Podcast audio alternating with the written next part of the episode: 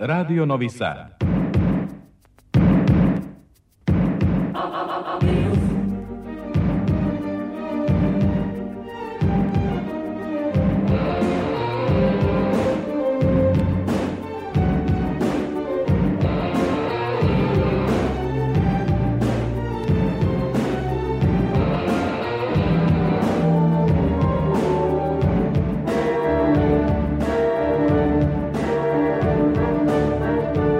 Spektar.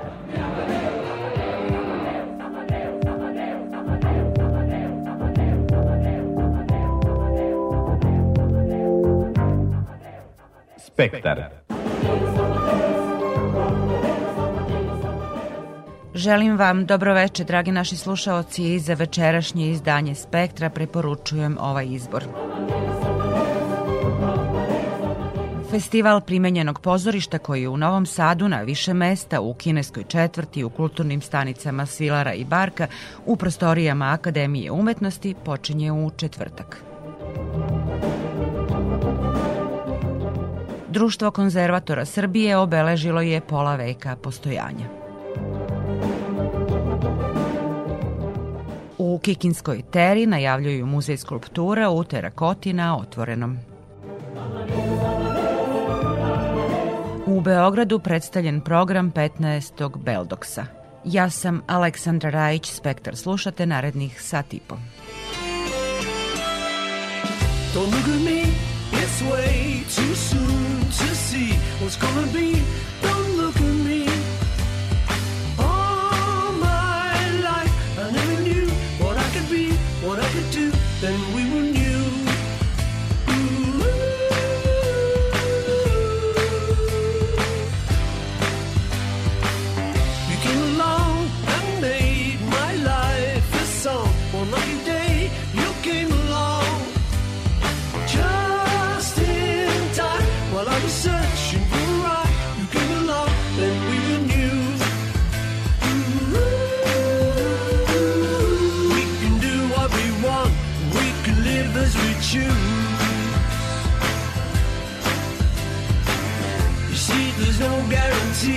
Got nothing to lose. Don't look at me. I can't deny the truth. It's plain to see. Don't look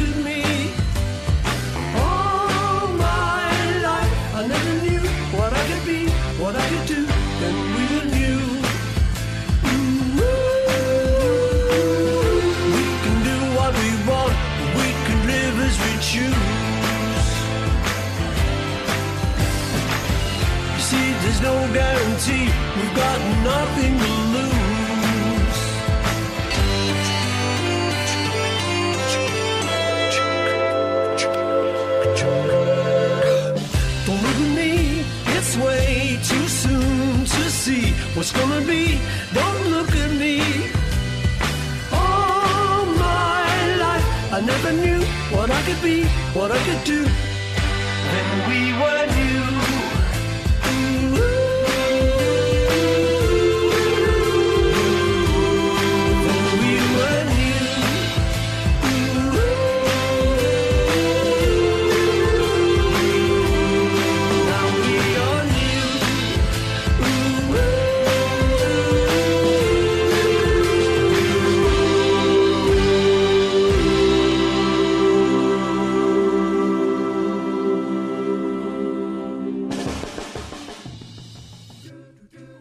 Subotu će biti otvoreno 59. bijenale savremene umetnosti u Veneciji. Srbiju će predstavljati Vladimir Nikolić projektom Hod sa vodom, koji, kako kaže kustoskinja Biljana Ćirić, ima dva rada kojima podcrtava odnose tehnologije i prirode, u ovom slučaju vode, kao dela ljudskog tela, ali i prostora povezivanja, a ne razdvajanja. Prošle godine Bijenale je zbog pandemije odloženo. Ove godine traje do 27. novembra prema koncepciji umetničke direktorke Čećilije Alemani i pod motom ili idejom naslovom Mleko od snova. I Novosadska umetnička scena ima u Veneciji svog predstavnika. Jedna od kustoskinja u paviljonu Severne Makedonije je Novosadska kustoskinja i teoretičarka umetnosti Sanja Kojić-Mladenov. A narednog petka u vreme spektra uveliko će se u Novom Sadu dešavati i festival primenjenog pozorišta. U tri dana od četvrtka do subote na više lokacije biće organizovano više radionica i odigrano pet predstava. O sadržajima i postulatima primenjenog pozorišta u razgovoru Tatjane Novčić-Matijević sa organizatorkom, profesorkom primenjenog teatra na Novosadskoj akademiji umetnosti Hristinom Muratidu. Evo nas u sedmici kada nas očekuje, posuđujem se da kažem, velika stvar. Festival primenjenog pozorišta. Pa možemo da kažemo da jeste prva e, velika stvar, zato što primenjeno pozorište je nešto još uvijek a, dosta novo i za Srbiju, ali i za cijeli region.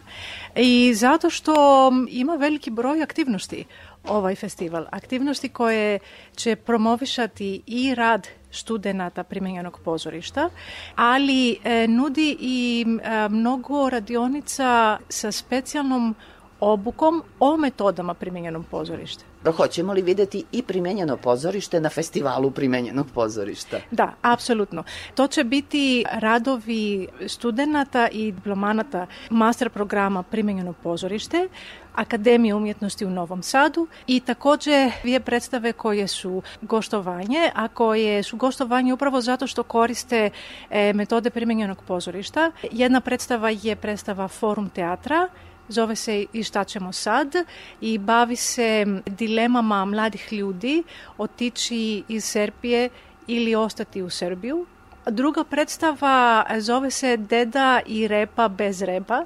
Dolaze iz eh, Vrbasa. Vrbasa, igraju mentalno nedovoljno razvijena lica i kroz ovu staru bajku koju sami glumci su pravili, cijeli scenariju su pravili oni, uz pomoć eh, naše diplomantkinje Bojane Ivanov, bave se temom poštovanja različitosti.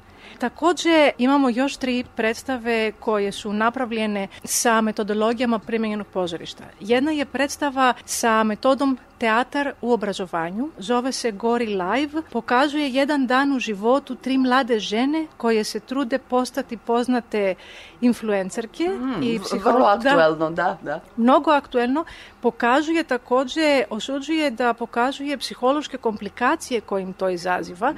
i prije predstave i nakon predstave postoji radionica sa publikom gdje će glumice predstave voditi sa njima kratke igre uloga kojima će analizirati motivacije i postupke likova iz predstave. Imamo predstavu e, Recept za čorbiću, a to je međugeneracijska predstava, dolazi nam iz Beograda, igraju osobe od 20 pa do 82 godine i bavi se starijom damom koja doživljava početak Alzheimera i trudi se da održi uspomene od djetinstva pa do danas. A između scena te predstave. Postoje i kratke interaktivne vježbe sa publikom o temi uspomene kako mi se sjećamo i šta nama je važno. I na kraju razgovor među publike i, i glumaca predstave. I takođe e, još jedna e, predstava kojom završava festival. Zove se Pitaj se pitaj. Kreirana je od žena sa invaliditetom i bez invaliditetima i bavi se eksploitacijom osoba sa invaliditetom od umjetničkih uh, пројеката и телевизија, јер инклузија се третира као нешто што е сад у тренду и нажалост гдје год нешто е тренди, то, то значи и добре свари, али и експлоитација. Дакле, пет представа нуди фестивал применјеног позоришта од четвртка 28. априла до 30. априла све представе имају интерактивни део и наравно улаз е слободан уз е, предходну пријаву, mm -hmm, а пријаве су врло једноставне без формулара и могу да се за, све информације и начин пријавливања може да се пронаđе преко сајта примењено pozorište.wixsite.com, ali i преко сајта Академија umjetnosti и преко сајта Фондације Novi Sad e, Evropska prestonica kulture. Mi smo navikli da idemo u pozorište i gledamo pozorišne predstave. Dakle, to je ona crna kutija, to mm -hmm. je glumci na tako reći, nekom pijadastalu, odvojeni od publika u gledalištu, na stolicama.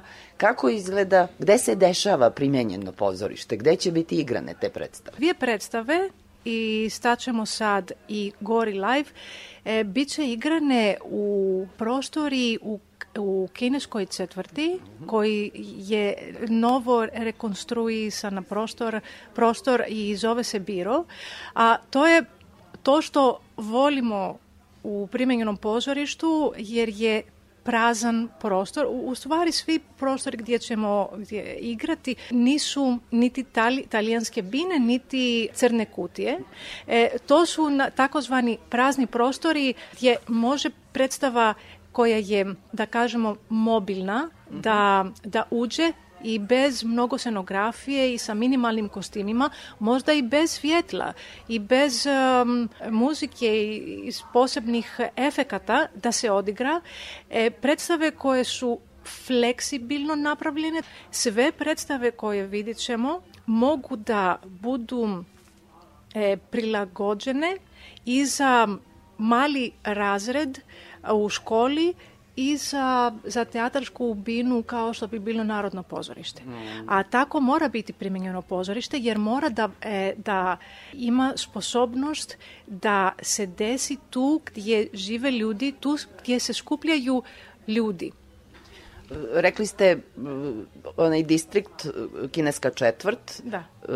jedna od lokacija jedna dešavanja lokacija. festivala. Da, da, da. U kineskoj četvrti biće e, održane dvije predstave i takođe biće održane osam radionica Tri radionice su napravljene za djecu i mlade, svaka radionica za poseban uzrast, a vode ih diplomantkinje master programa Primenjeno pozorište i to je u jutarnjim satima i onda po, u popodnevnim satima ima e, radionice od gostujućih profesora iz Mađarske i Norveške. Za studente, Za, za studente ne samo primenjenog teatra i ne samo teatra, nego i za studente i profesionalne e, osobe κοϊσεμπάβε πενταγόγιομ, ομπραζοβάνιεμ, ψυχολόγιομ, σότσιαλ ομράντα, ήλι κοϊ ήμαγιου ίντερες ζα όμλα την σκυράντ, τόσο στρούτσνε ραδιόνιτσε, ράδνη γέζικη έγκλεσκη, βάβεσε με τοντολόγιομ δράμε ομπραζοβάνιου, δράμε in education, po britanskom metodologijom, e, isto kao i predajemo i mi i ja lično u master programu Primjenjeno pozorište. Dvije predstave bit će odigrane u kulturnim stanicama. stanicama. Recept za čorbiću u četvrtak 20. april u 12.30 bit će u kulturnoj stanici Svilara u Almaškom kraju i predstava i naša zadnja predstava Pitaj se pitaj sa ženama sa i bez invaliditetima bit će u, na Akademiji umjetnosti i tamo nećemo iskoristiti italijansku binu koja postoji, nego e, prostor predstave bit će e, aranžiran mnogo drugšije. I predstava Deda i repa bez repa bit će gostovana u kulturnoj stanici Barka na Klisi, na klisi. u mhm. petak. I sada kada vi uh, govorite o ovim sadržajima, negde postaje jasnije šta jeste to primenjeno pozorište. Pomenuli ste obrazovni sistem, prostor socijalne zaštite. Vidimo uh, učestvuju deca različitog uzrasta. Da, da. Dakle, šta to konkretno primenjeno pozorište može da čini van teatra u odnosu na ono što radi klasično pozorište? A, pa prvenstveno primenjeno pozorište ima tri karakteristike. Sadržaj ima edukativne ciljeve. Znači, sadržaj je namjerno i pažljivo odabran tako da nudi obradu određene teme. To može da bude, e, na primjer, za školsko odeljenje, a tema tamo može da dolazi i direktno iz e, školskog gradivo. Ali isto tako uz e, iste tehnike. E, na primjer, već decenijama postoje metodi drame u obrazovanju i teatra u obrazovanju koje se primjenjuju u raznim zemalja e, zemalja i s tim metodama obrađuju nastavnici i mhm. školsko gradivo i za humanističke, ali i za, e, za predmete nauke e, i takođe i mogu obraditi teme kao što je vrznaško nasilje ili druge teme aktuelnog socijalnog interesa koje su za generalno um, obrazovanje, socijalno obrazovanje.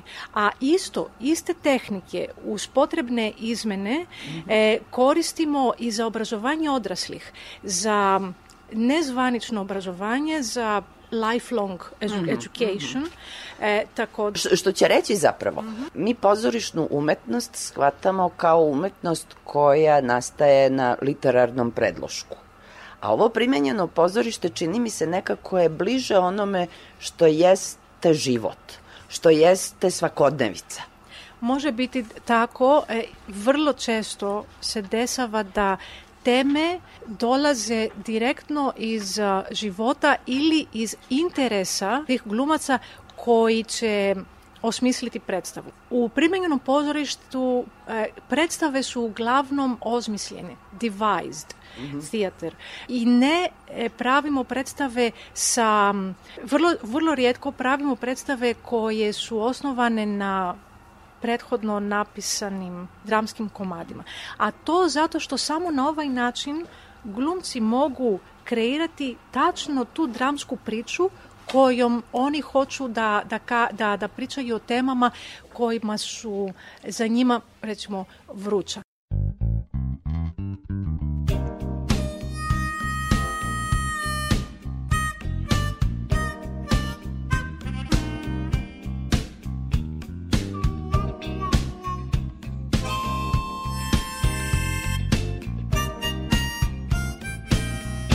Get up early in the morning just to see her eyes. She's walking around the head in complete disguise. I don't know just where to tell you how she changed so But she's the sweetest thing, yeah, yeah.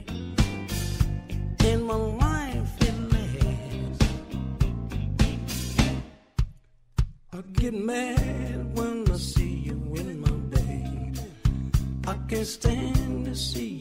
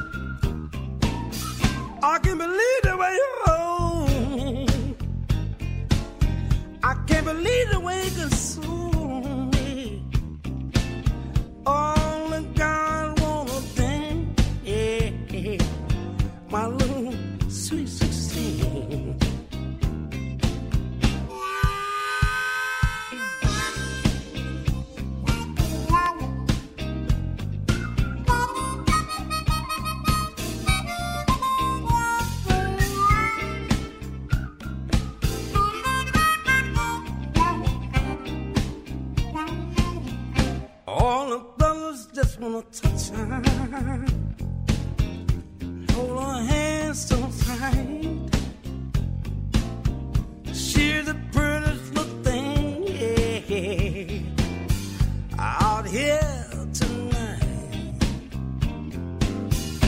Tell me if this gets good to you. We're down in your soul. you're trying to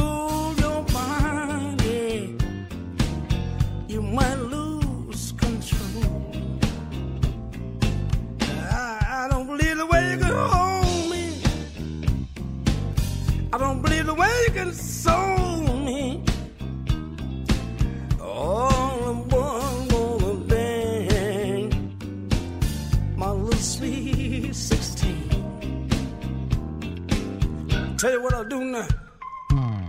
Let you talk with me. Uh-huh. Let you walk with me. I believe my. Let you sing with me. I don't wanna.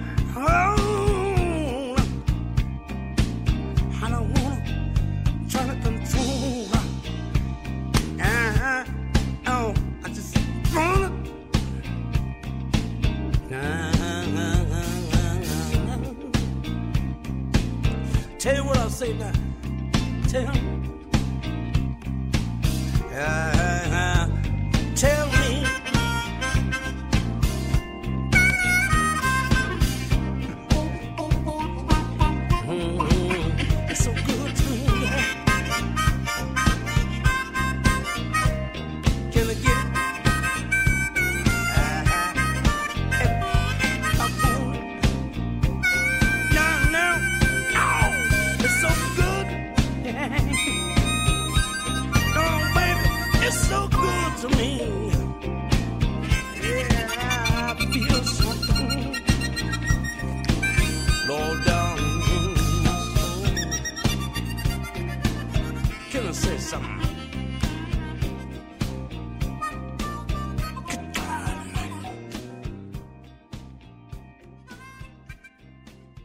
Grocki u Rančićevoj kući izložbom 50 za 50 obeleženo je pola veka od osnivanja Društva konzervatora Srbije.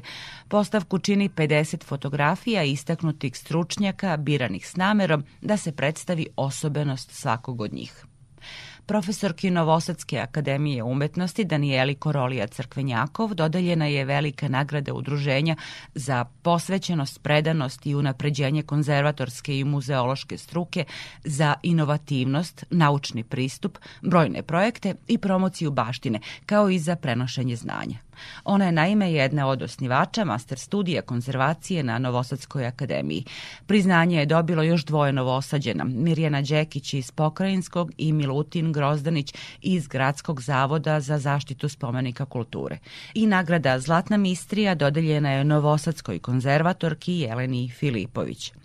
Izložba u Rančićevoj kući traje do 10. maja, a u narednim minutima slušate šta o konzervatorskoj profesiji, praksi i nauci kaže Danijela Korolija Crkvenjakov. Pola veka postojanja društva konzervatora e, Srbije evo obeležili ste ovih dana i pre svega izložbom koja je napravljena u znak posvete najzaslužnijim članovima, zapravo najistaknutijim konzervatorima. Šta to znači pola veka postojanja e, konzervacije u Srbiji i evo ovo je možda prilika koji su to ljudi koje zaista vredi pomenuti. Naravno nećemo svih 50, ali neki bismo mogli izdvojiti. Izložba 50 za 50 povodom 50 godina od e, osnivanja Društva konzervatora Srbije je u stvari samo jedan segment šire istorije zaštite kulturnog nasledđa u Srbiji, mogla bih reći. Ovo prigodna izložba i divna što je napravljena, jer zaista su takve publikacije, izložbe redke i ja smatram veoma dragocene. E, prikazuje period od, e, od 1972. godine kada je formalno osnovano Društvo konzervatora Srbije kao naslednik ranijih udruženja koja su u Jugoslaviji postojala, a treba spomenuti da su se konzervatorski počeci e, formirali i pre drugog svetskog rata. O tome postoji takođe dokumentacija. Nažalost, malo je o tome i pisano i uh, to su neke teme koje svakako čekaju svoje nove izložbe i nove publikacije. E, taj posleratni period je bio izuzetno značajan jer je to početak organizovane zaštite u smislu zaštite kulturnog nasleđa, posebno u ratom devastiranoj zemlji. Tako da su se... Praktično utemeljena disciplina. Utemeljena, tako je, utemeljena disciplina i tu su se pre svega isticali uh, arhitekte, i istoričar umetnosti. Tako da je najbrojniji, uh, najbrojniji uh, su arhitekte koji su uh, čuvena imena kao što su Aleksandar Deroko ili Đorđe Bošković kojima, kojima i počinje ta publikacija i zatim njihovi sledbenici koji su radili u okviru Zavoda za zaštitu spomenika kulture. Naime, ukoliko slušalci ne znaju, zaštita nasleđa podeljena je na dve velike celine, tako i zakonske organizovane, zaštitu nepokretnog kulturnog nasleđa i pokretnog kulturnog nasleđa. E, nepokretno kulturno nasleđe jesu, da kažem, crkve, zgrade, objekti i tako dalje, sada ne idem u detalje same definicije i nekako po prirodi stvari tu su arhitekte e, veoma značajni. Tako da prve e, konzervacije, obnove e, porušenih crkava, manastira, pa i gradskih celina i tako dalje su vodili, na njima su se učili i stasavali mlađi konzervatori koji su posle postali i danas već i oni pokojni postali na značajni imena kao recimo Mirka Čanak Medić i tako dalje. Paralelno sa njima, naravno, tu su bili istoričari umetnosti koji su zaslužni za valorizaciju svega što je taj istorijski i umetnički kontekst i uz to i ono što, kako zovemo, konzervatori, restauratori ili ranije zvani slikari konzervatori ili ja bih rekla konzervatori slika, odnosno onih dela likovne i primenjene umetnosti koje su sada u kontekstu i vezane za određene spomenike.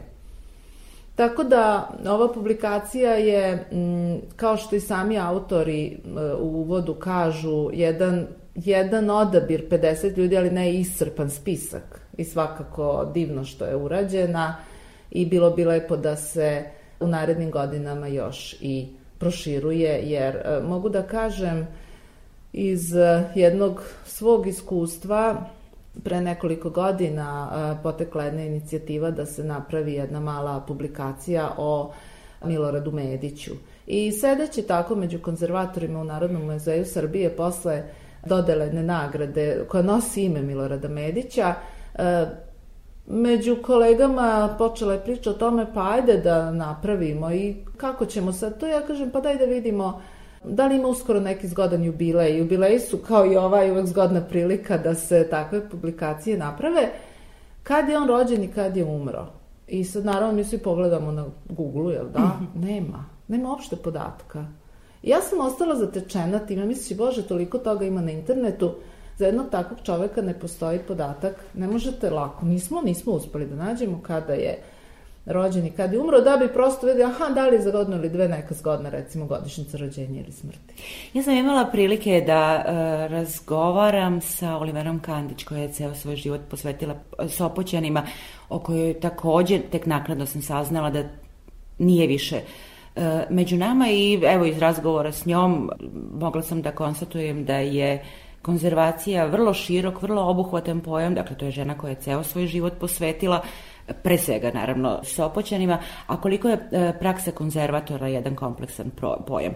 Kakvo je to vaše gledište? Konzervacija danas, Olivera Kandić pripada generaciji posleratnih stručnjaka i konzervatora. Postoji razlike između onoga što je nekad bila konzervacija i ovoga što je danas u pogledu te kompleksnosti i obuhvatnosti? Ja bih rekla da suštinski uh, pristup je isti. A ono što su postavljeni temelji neke teorije restauracije i konzervacije nisu se suštinski menjali. Menjaju se tehnologije, menjaju se materijali, proširuje se pojam zaštite sa onoga što je bio recimo jedan spomenik, ako možemo govoriti o Sopoćenima, na nešto što je kulturni predeo, na nešto što uključuje i prirodna dobra, i uopšte ceo ambijent, pa onda nematerijalno nasledđe vezano za to. U tom smislu se menja i postaje kompleksnije. A kada me pitate za profesiju konzervatora, pa to ko da me pitate profesija lekara.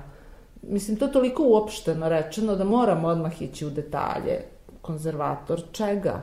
I šta je po osnovnom obrazovanju, jer nekako uvek čoveka formira osnovno njegovo prethodno obrazovanje i onda u toku e, daljeg svog usavršavanja može da naravno skrene ili proširi svoja znanja. Često se konzervatori, možda ih bolje bi ih bilo definisati kao Na stranu, da kažem, arhitekte, oni imaju svoju struku, ali recimo kad kažete konzervatori, restauratori, misle se možda slika, skulptura, ali nije sve da li da skulptura od kamena, metala ili drveta. Konzervatori često bolje možda ih je definisati kao konzervator organskog ili neorganskog materijala.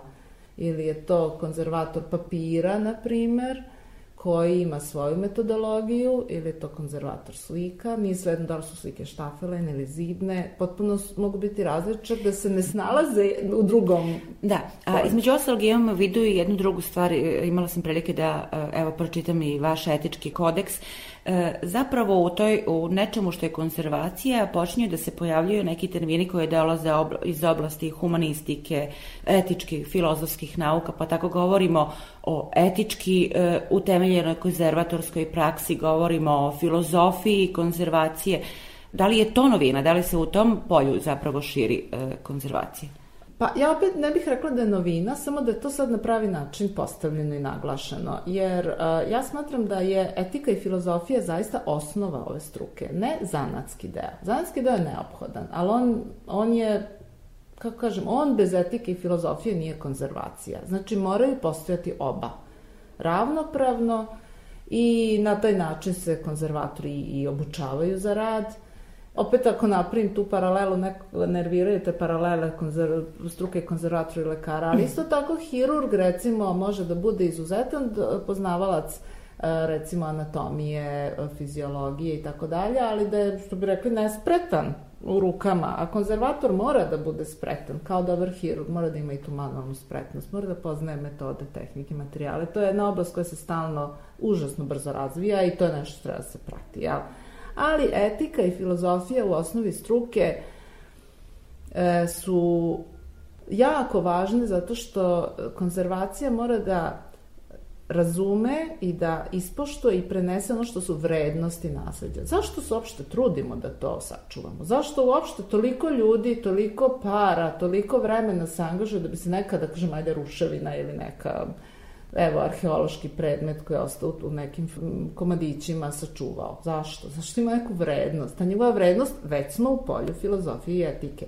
Znači, po meni to je osnova svega. To razumevanje vrednosti onoga što želimo da čuvamo. A onda, kako ćemo, to je sad drugi deo. Isto tako važan. Tako da je vrlo kompleksno. E sad, e, da li je e, konzervacija danas veština ili nauka? Dakle, imate i metode, evo i ti imate izg- izgrađene teorije, imate odnos e, prema drugim naukama. Kako vi gledate danas konzervaciju?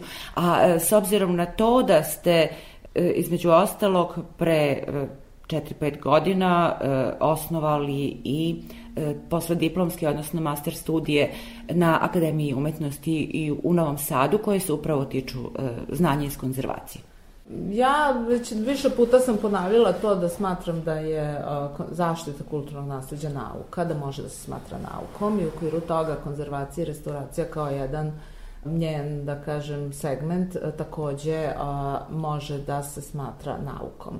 Veština je deo, da kao što sam rekla, veštine su potrebne da bi se uradila praktična konzervacija i restauracija, ali kompleksna oblast, uključujući etiku i filozofiju, jeste nauka. Ja bih, ja bih i dalje ostala pri tom stavu. U tom smislu ove studije koje spominjete e, su koncipirane tako da balansiraju između tog e, teorijsko-filozofskog e, pristupa, etičkog i naravno praktičnog, e, konkretnog, konzervatorskog e, veštine. Eto. I nadamo se evo da prve generacije su već izašle, počinju da nalaze svoje mesto u institucijama zaštite, dobro su se pokazali, ja sam zaista na njih ponosna i čini mi se da taj koncept za sada daje svoje plodove. Rekla bi se da profesija konzervatora danas u društvu ima i ugled i vidljivost. Hoću da vas pitam da li delite ovo, ovo, ovo moje opažanje. Uf, ja nekako čini mi se da to onaj ko to je za to čuo ceni, da, i shvata kompleksnost, međutim veliki broj ljudi, ja mislim da uopšte nije svestan postojanje toga, do, do, do karikaturalnih priča, da kad ne, sećam se su mi ranije priče, s čim si ti to baviš, šta ti to konzerviraš, misliš da konzerviram neku Konzerva- hranu, da.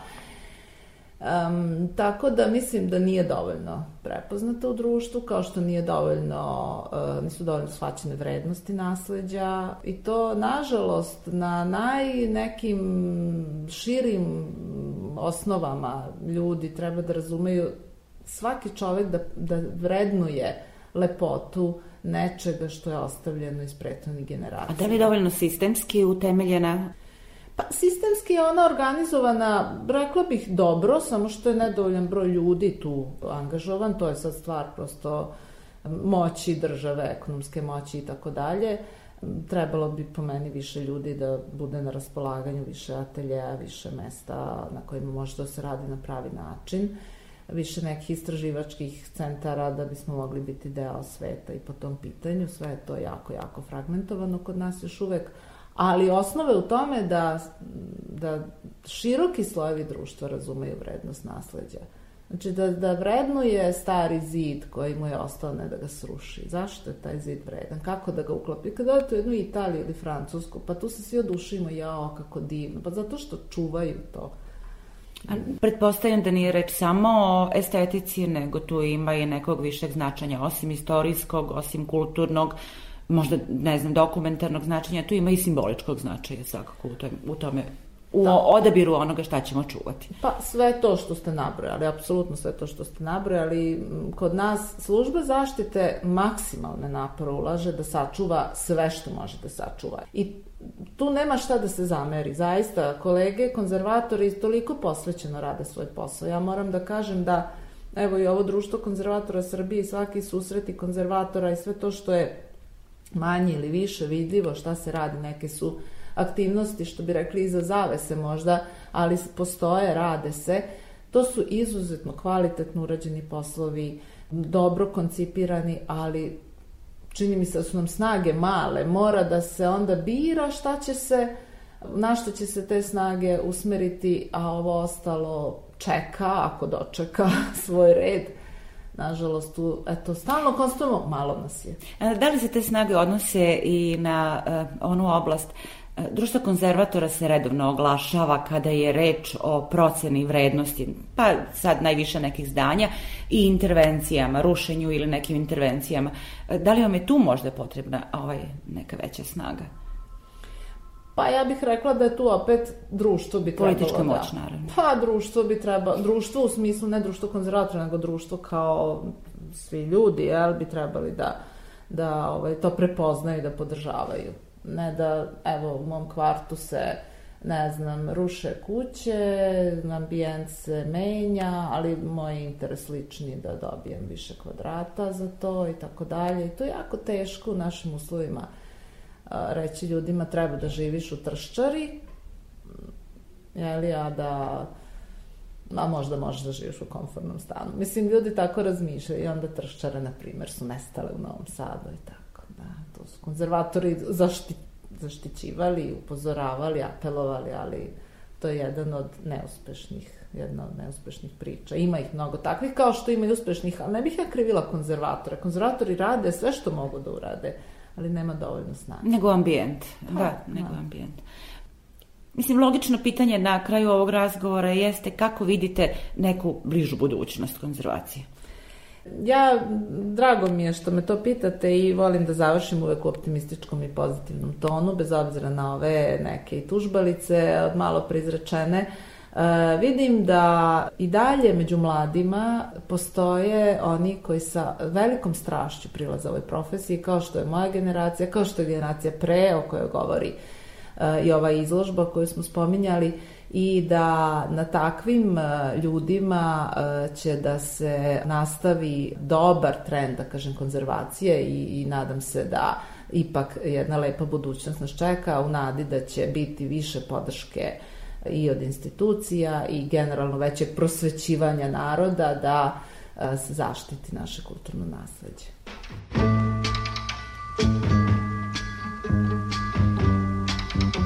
Listen, baby valley low, ain't no river wide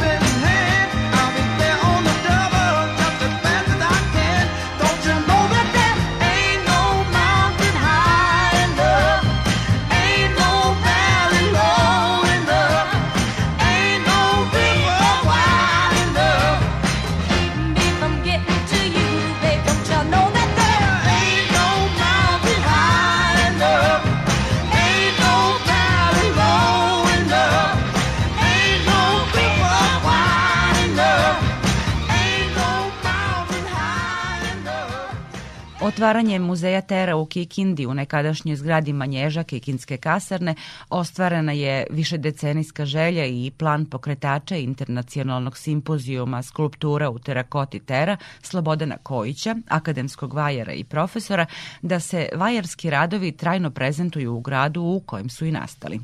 Ideja o muzeju stara je koliko i sam simpozijum, četiri decenije, a razvila se uporedo sa konstantnim povećanjem broja skulptura koje su realizovane tokom tradicionalnih simpozijumskih okupljanja. Uskoro bi muzej trebalo da dobije i najveću galeriju na otvorenom, kao i botaničku baštu, koja će tom prostoru dati novu dimenziju. O tome je sa Slobodanom Kojićem razgovarala Ivana Maletin-Ćorilić. Kada je muzej otvoren i kako je zamišljen? Uspeli smo da ga otvorimo pre jedno tri godine. Da, da, to je bilo onako neopisiva drama, ono klasika kao, kao, kao na filmu. Ja? Bio je ovaj, decembar, počeo neki sneg, eh, blato oko muzeja, eh, jedan detalj nikad ne zaboraviti, poslednji transport skulptura iz ateljeja Tera, odnosno iz dvorišta ateljeja Tera, ovaj, koji se nalaze jedno 3,5 km udaljen od muzeja, ovaj, kamion se zaglavio tu na, na u neposlednoj blizini ovaj, muzeja i mislili smo gotovo, a zakazano otvaranje sutra dan u 10 sati. Ja? E tako, malo drame je bilo, nekako smo se iščupali, uspeli da završimo tu stalnu postavku. To je bio epilog e, napora koji je trajao pa jedno skoro ove, 15 godina. Znači, nepunih 15 godina je trebalo da od ideje, od momenta kada sam ja ušao u ovaj prostor i rekao ovde će biti muzej Tera, do momenta otvaranja. Ja. Ovo će sad delovati onako kao neko kukulele, ja, ove kupnjava, ali je činjenica. Mislim, šteta je što ovde treba užasno mnogo upornosti, jako neopisivo mnogo energije, da se dogodi nešto što se od početka prepozna kao da, dobro.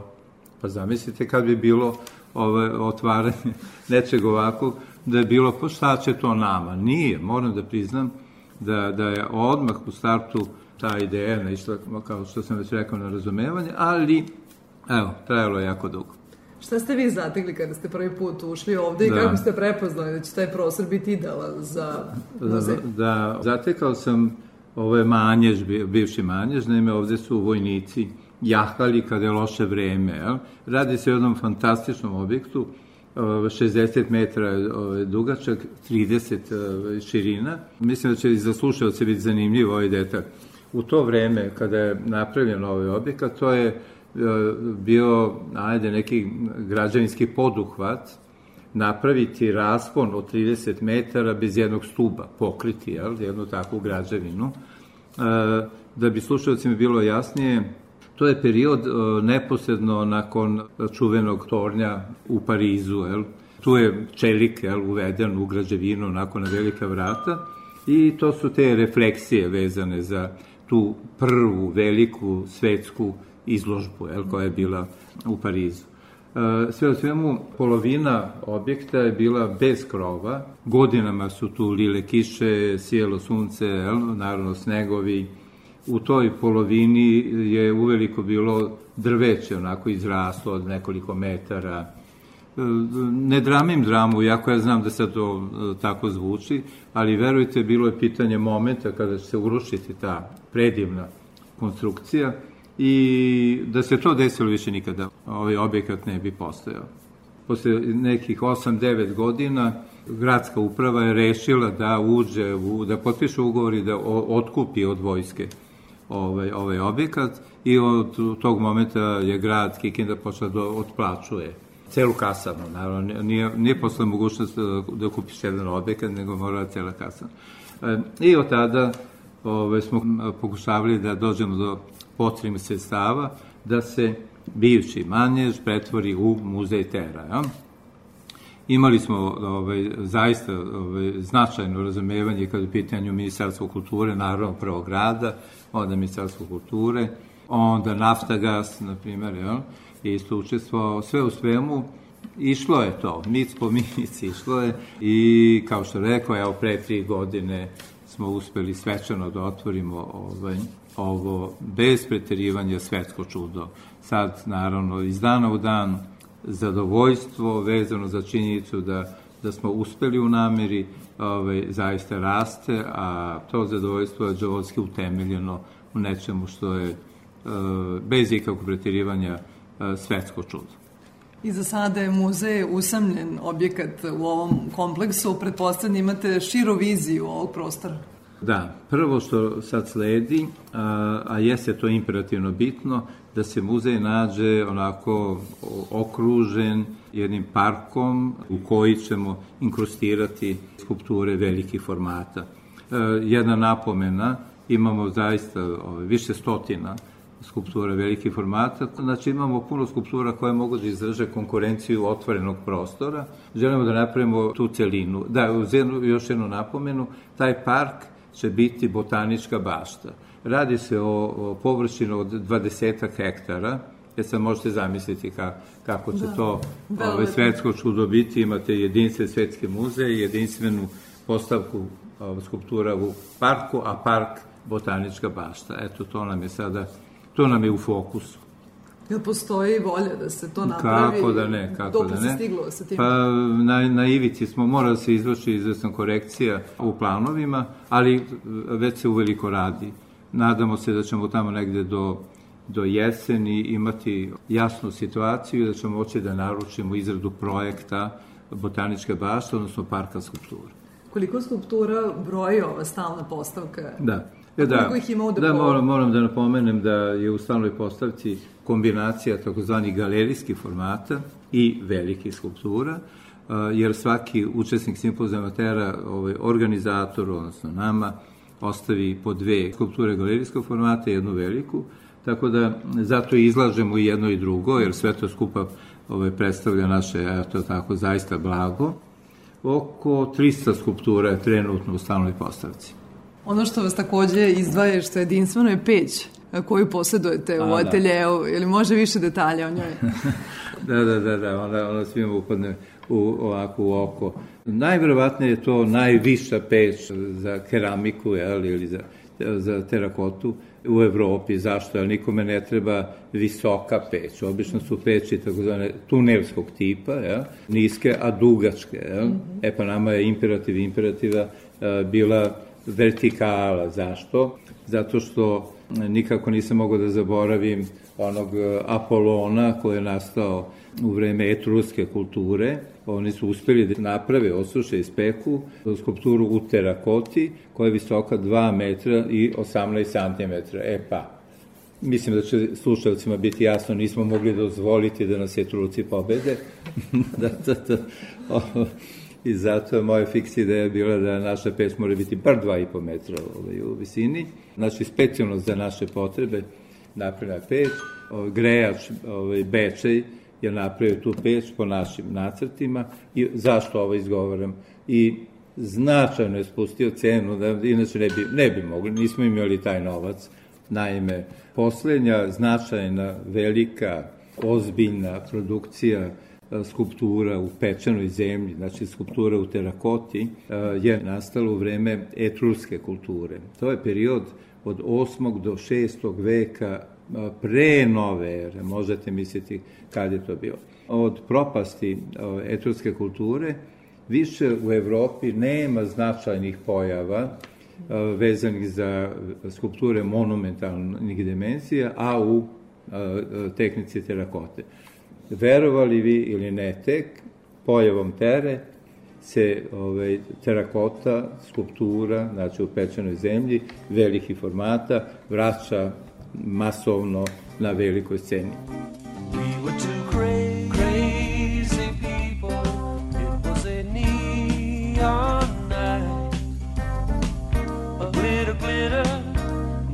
multicolored slide with some high stepping. Oh, what a life to those high rolling, star studded.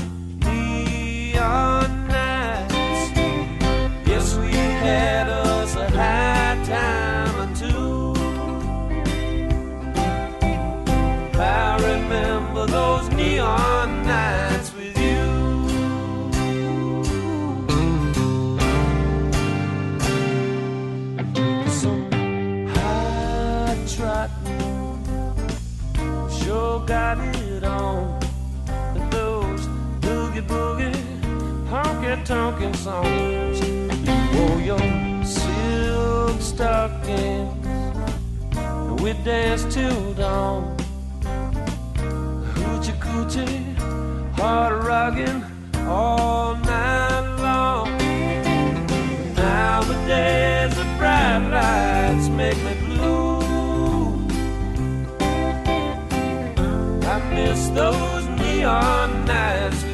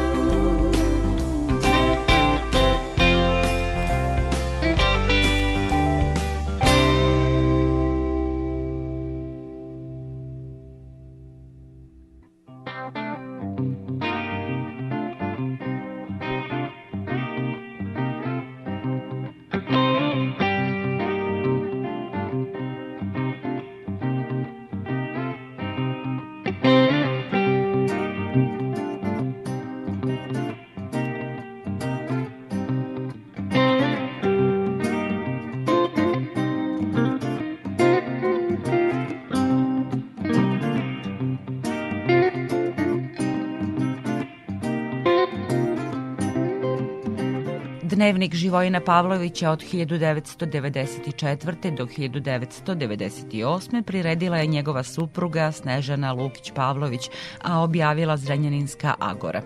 Reč je o poslednje četiri godine života velikog filmskog stvaraoca i književnika, čime je uz prethodnih šest knjiga objavljenih 99. godine zaokružena celina dnevničkih beleški. Sa Snežanom Lukić-Pavlović razgovarala je Tatjana Novčić-Matijević. Gospođo Pavlović, pre svega da vam se zahvalim što ste se prihvatili ovog e, obimnom, a tako dra dragocenog posla koji se zove prirediti ove poslednje četiri godine u dnevniku Živojina Pavlovića. I sad kada je dnevnik pred nama u kulturnoj javnosti, kakvo vam je osjećanje? Veoma sam zadovoljna, pre svega smatram da je moja dužnost bila da to uradim. Ja sam priredila pred dnevnika i rukopis knjige Planeta filma koju je Živojin Pavlović napisao, ali nije, to, nije uspeo da ugleda njeno izlaženje na, na svetlost dana. Tako da mi to nije prvi put. Ja sam i, i tom prilikom učestvovala u, u priređivanju, u prekucavanju, u, tad je još bilo prekucavanje, čini mi se, na pisaćoj mašini, a možda i nije, to nije ni važno, u odabiru fotografija koje su ilustrovale njegovu, kako je on nazvao, filmsku avanturu. I evo sada se, sam ponovo se našla i u rvanju sa dnevnicima. Rvanje je, rekla bih, prava definicija ovog velikog posla, sudeći prema ovim zapisima koji su objavljeni. Jesu li kompletno to zapisi Živojina Pavlovića ili ste vi pravili selekciju? To su, mogo, moglo bi se reći, kompletni zapisi.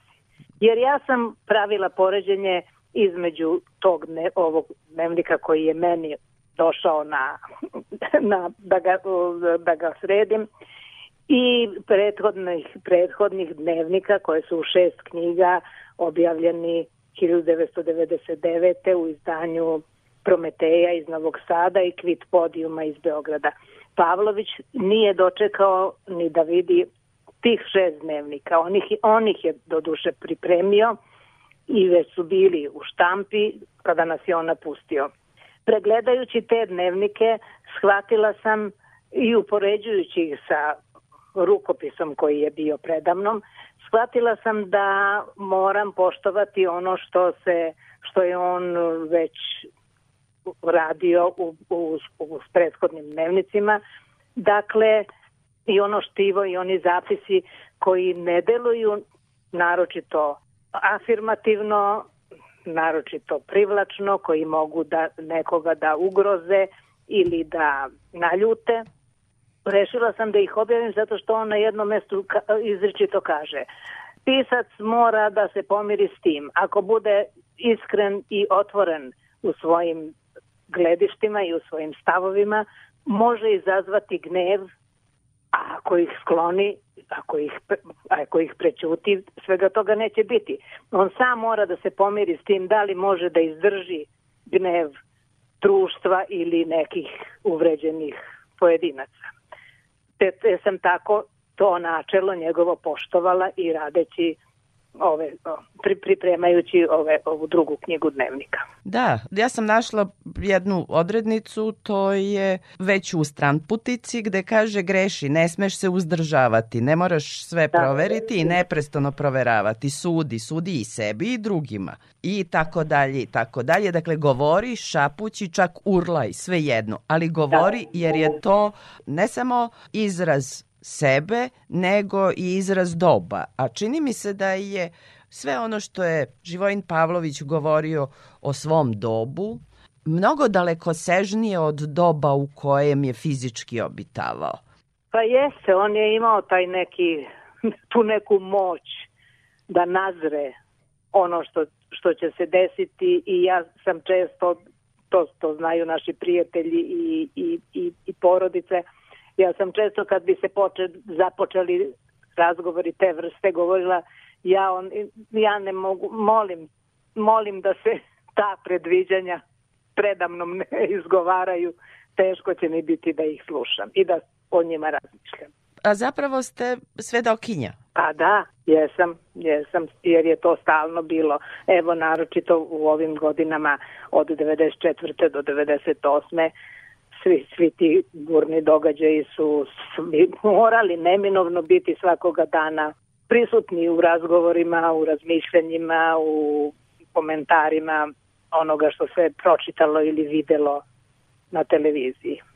Imamo utisak da ste i ovu knjigu dnevnika praktično organizovali onako kako je funkcionisalo stvaralaštvo Živojina Pavlovića. U ta tri segmenta, u prvom je taj nesrećni bog Mars, odnosno te ratne godine, onda oni odjeci sveg tog ratnog i onda ova stramputica kao jedna ozbiljna sinergija sveg umetničkog i etičkog promišljanja.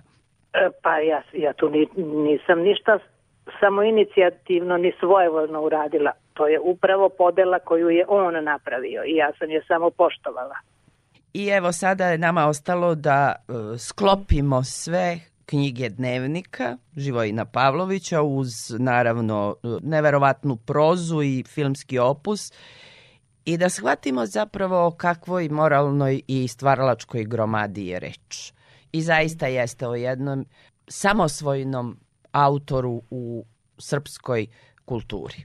Pa hvala vam na takvom zaključku i na takvom viđenju. Da, vi to iz, iz privatnog rakursa drugačije, e, drugačije. Sasvim sam sigurna da ste svesni te veličine, uostalom živeli ste sa svim tim i padovima i usponima, jer nažalost Živojin Pavlović jeste bio i filmski stvaralac koji je bio zabranjivan, ali i prozni pisac koji je uh, bio zabranjivan. Koji je doživljavao zabrane, osude i ponižavanja, mogu reći. U isto vreme je dvostruki dobitnik Ninove nagrade, e, njegovi filmovi i taj crni talas je vrh onoga što je kinematografija u, u tom delu dala. Da, jedna zaista neverovatna životna priča, poput one na kraju dnevnika, od ovih intenzivnih boja, e, stvaralaštva do bele, sive i crne na kraju. Do crne, do crne, eto, to, to, ta, ta poslednja reč u dnevniku, a to je poslednja reč koju je napisao, jer je on apsolutno korespondira sa čitavim njegovim delom i filmskim i proznim. Vama hvala na ovoj knjizi i hvala vam na razgovoru i želim vam hvala dobro zdravlje. I ja vama isto to želim. Hvala vam na ljubaznom pozivu i na lepom razgovoru. Et si tu n'existais pas, dis-moi pourquoi j'existerais Pour t'emmener dans un monde sans toi, sans espoir et sans regret Et si tu n'existais pas, je serais dans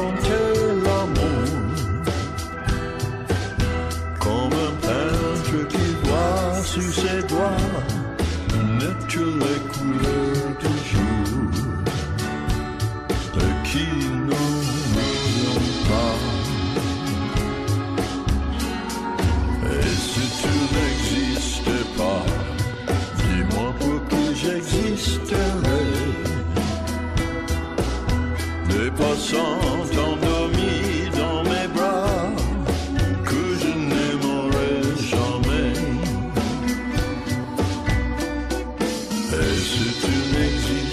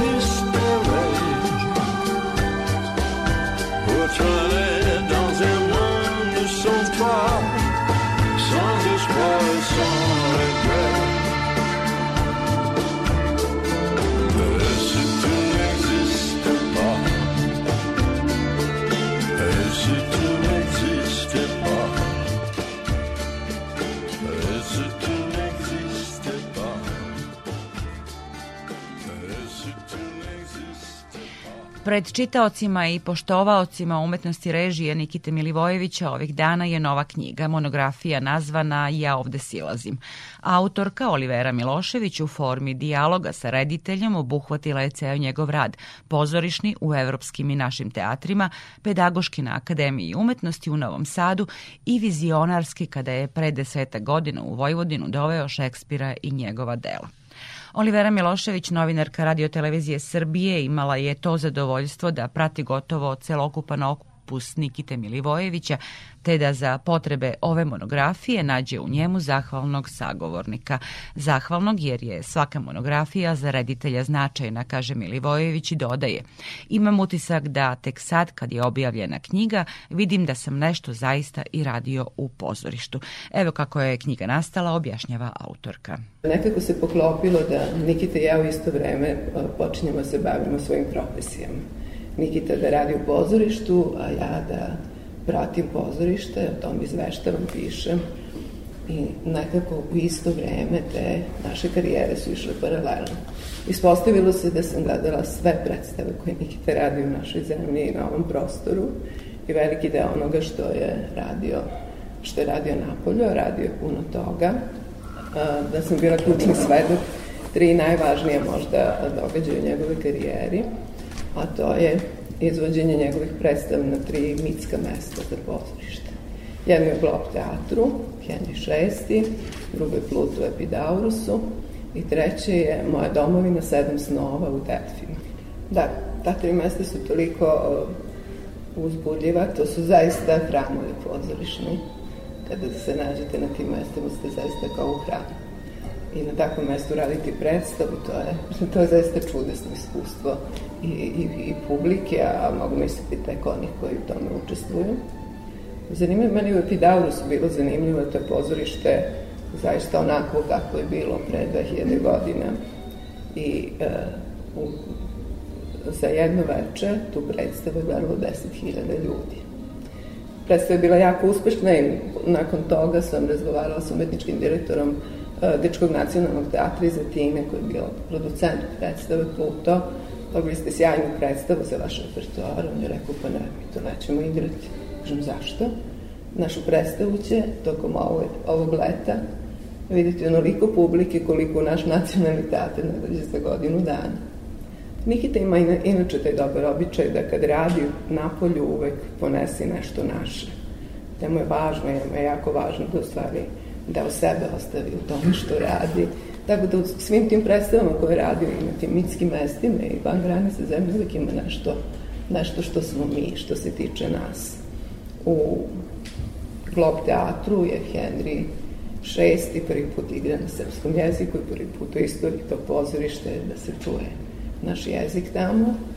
U Delfima je uh, radio Moj domovinu sedam snova, on je od uh, antičkih tragedija u stvari napravio jednu, uh, jednu tragediju koja je govorila o nama u tom vremenu. U Epidaurusu je u toj predstavi Pluto uh, imao uvoj lika koji je sa naših prostora i koji govori srpski jezik u toj priči u stvari Pluto je priča o bogatstvu i pohlepi i u toj priči o siromaštvu jedan srbin se pojavlja i objašnjava ljudima kako to nije ništa strašno u stvari, kako to možda dobro i tako dalje. Znači, naš jezik je bilo važno da se čuje na tim mestima i to je, to je nešto što Nikita u stvari nosi odavde. I važno mu je da tamo pokaže i deo ove sredine, i deo način razmišljanja, da, da svoj način razmišljanja u stvari poveže poreklo, da poreklo vodi odavde. Kada smo razgovarali o formi kako treba da izgleda monografija, onda naravno osim tog teksta koji smo pisali nekoliko godina smo mi razgovarali gradu, ja slava pitanja, Nikita odgovore, tražili formu, tražili način. Nastavili smo stvari da, bude, da tekst bude jednostavan i razumljiv e, svima, koliko god o komplikovanim i složenim stvarima e, govorili u pozorištu. Pozorište često se ovdje mistifikuje, mi smo nastavili u stvari da demistifikujemo tu jednu čaroliju koja je često jedna negde tako u vazduhu između redova i tako dalje. Onda smo kako, kako bismo volili da izgleda, onda smo rekli da ona mora da bude kao slikovnica. Jer pozorište je efemerna umetnost, treba koliko i predstava i kad predstava završi svoj vek, onda više nemamo tu sliku. To su zato fotografije, to su zato snimci i uh, zato je ona tako bogato ilustrovana na sreću Nikitin obično to rade mame i najbliži rođaci, Nikitin brat i Nikitina mama su skupljali sve te fotografije, podatke i ostalo. Knjiga zaista, ona, pored toga što, što je jedno svedočanstvo jednom zaista pozorištu na svakidašnjem za, za ove prostore, jedne karijeri koja je zaista na svakidašnja za mislim, niko kao Nikita nije toliko radio van granice ove zemlje i niko tako uspešno. Nikita je u Grčkoj jedan od od najznačajnijih reditelja, koji je tamo donao uh, rusku dramu na jedan potpuno nov način za prke. Oni su bili u čudu, ne verujući da tako pozorište postoji i zaista je napravio veliku karijeru tamo i da i po drugim gradovima Evrope. I u knjizi razgovaramo o tome kako on radi, kako, kako stvari inspiriše sve te ljude da zajedno dišu zajedno stvaraju sa njim. Uh, jedan od njegovih metoda je to da se svi osjećaju kao porodica i da svi da se sve to stvara u jednoj velikoj ljubavi. Je voudrais du soleil vert Des dentelles et des théières Des photos de bord de mer Dans mon jardin d'hiver. Je voudrais de la lumière Comme en Nouvelle-Angleterre. Je veux changer d'atmosphère Dans mon jardin d'hiver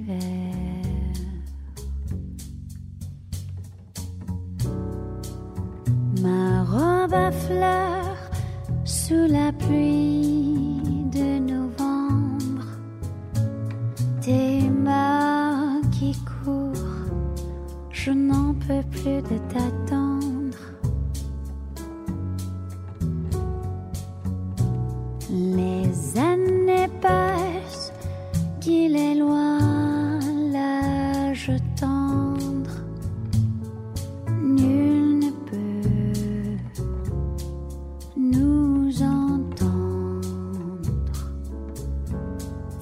Je voudrais du Fred Astaire, revoir à la décoère. Je voudrais toujours te plaire dans mon jardin d'hiver. Je veux déjeuner par terre,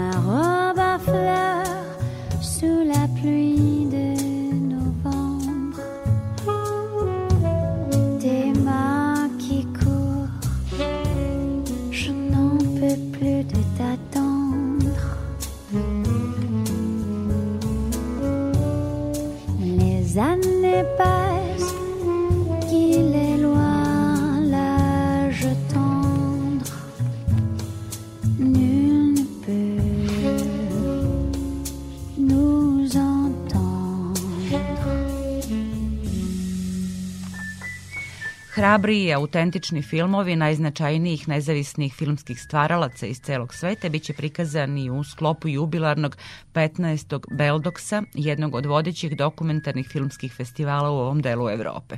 Na konferenciji za medije Beldoks festival, koji će biti održan u Beogradu od 11. do 18. maja, najavljen je kao inspirativno mesto koje deli strast ka filmovima. I ove godine u programu će moći da uživa i publika van Beograda i to putem interneta, zabeležio novinar Radio Beograda Vladimir Čudović. Svoje 15. izdanje Beldox dočekuje kao jedna od najvećih balkanskih filmskih manifestacija, te festival već pozicioniran na evropskoj mapi filmskog dokumentarizma, posebno od strane novih mladih stranih stvaralaca, čije ostvarenja veliki svetski festivali nekako lako previde u stalnom takmičenju sa konkurencijom za zvučnim imenima. Više od stotinu filmova u osam programskih celina, u osam majskih dana i večeri, bit će prikazano beogradskoj publici u sedam bioskopskih sala sa mogućnošću da gledaoci iz cele Srbije dobar deo repertoara mogu videti preko Beldoksove internet filmske platforme. Direktorka Beldoksa je Mara Prohaska-Marković koja najavljuje filmove u večerima otvaranja i zatvaranja festivala. Meni je jako drago što je Srđan Keča e, odlučio da prikaže svoj film na Beldoksu, Muzej revolucije. Taj film je razvijan kao u fazi razvoja na našim e, programima u okviru industrija, znači tog programa za filmske profesionalce i već tada je dobio e, glavne nagrade i stvarno mi je veoma drago da je toliko uspešan i da je prikazan na vodećim svetskim festivalima i da će nacionalna premijera tog filma biti baš na Beldoksu. Takođe mi je mnogo drago da još jedan film koji se razvijao na našim industri programima, to je ukrajinski film Napolju, rediteljke Olhije Zalbo i e, producentkinje e, Darije Basel. Taj film će biti prikazan na zatvaranju Beldoksa. A na Beldoksu dodeljuje se šest nagrada u četiri takmičarske celine, domaćem i inostranom programu, te nagrada za najbolji kratkometražni film i nagrada u teen programu, celini namenjenoj pre svega mlađoj publici. Slušamo umetničkog direktora festivala Marka Grbu Singa domaći takmičarski program u kome će biti jeli, Muzej revolucije. Ja bih spomenuo u domaćem programu još jedan film iz razloga iz pozitivnih razloga, iz, to je film Bez ili Without od Luke Papića, koji je dobio, prekjuče dobio uh, nagradu za najbolji uh, mid-length, to je srednjemetražni film u Nionu na festivalu Vision Durel. Eto, sa ponosom, jako smo srećni zbog toga i to je, to je još jedna nagrada za srpski film i još jedna nagrada za srpsku dokumentaristiku i Luka dolazi kod nas i bit će u domaćem programu. Međunarodni takmičarski program je kao i prethodnih godina program koji se sastoji od e, pretežno e, mladih autora, to su uglavnom prvi, drugi, treći filmovi tih autora e, i služi na neki način kao neka platforma na kojoj može da se vidi taj neki novi glas svetskog dokumentarizma, jel, u kome ima različitih struje, različitih stilova koji ne mogu baš svuda da se vide tako da smo takođe ponosni na međunarodni takmičarski program i na njegovu raznovrsnost, raznolikost. Radujemo se tim drugarima, gostima koji će doći u Beograd. Selektor Beldoksa je Igor Stanojević, koji za ovu priliku navodi koja ćemo sve ostvarenja gledati u domaćem takmičarskom programu. Pored filmova Bez i Muzej revolucije, e, tu je film e, Pejzaži panonske paprati Marka Cvejića, zatim film Ruku moje i u Koštane Banović, i tu su uh, filmovi prilagođeni Dejana Petrovića, Jabuka i dve trešnje Mine Petrović i Proleće Viktora Horvata. Ove godine će u srpskom takmičarskom uh, programu učestvovati i kratkometražni i, i ovi dugometražni filmovi. Kako smo saznali, posle dva pandemijska, odnosno svedena izdanja, ove godine Beldogs ponovo ima i goste iz inostranstva, autore, producenta ostvarenja. Njih 30 je već potvrdilo dolazak u našu prestonicu. Takođe, bitan deo Beldogsa je i takozvani poslovni program, odnosno industry. Očekuje se da u tom segmentu manifestaciji učestvuje preko stotinu filmskih profesionalaca iz naše zemlje i sveta. I za kraj još jednom, 15. Beldogs biće održan od 11. do 18. maja u Beogradu.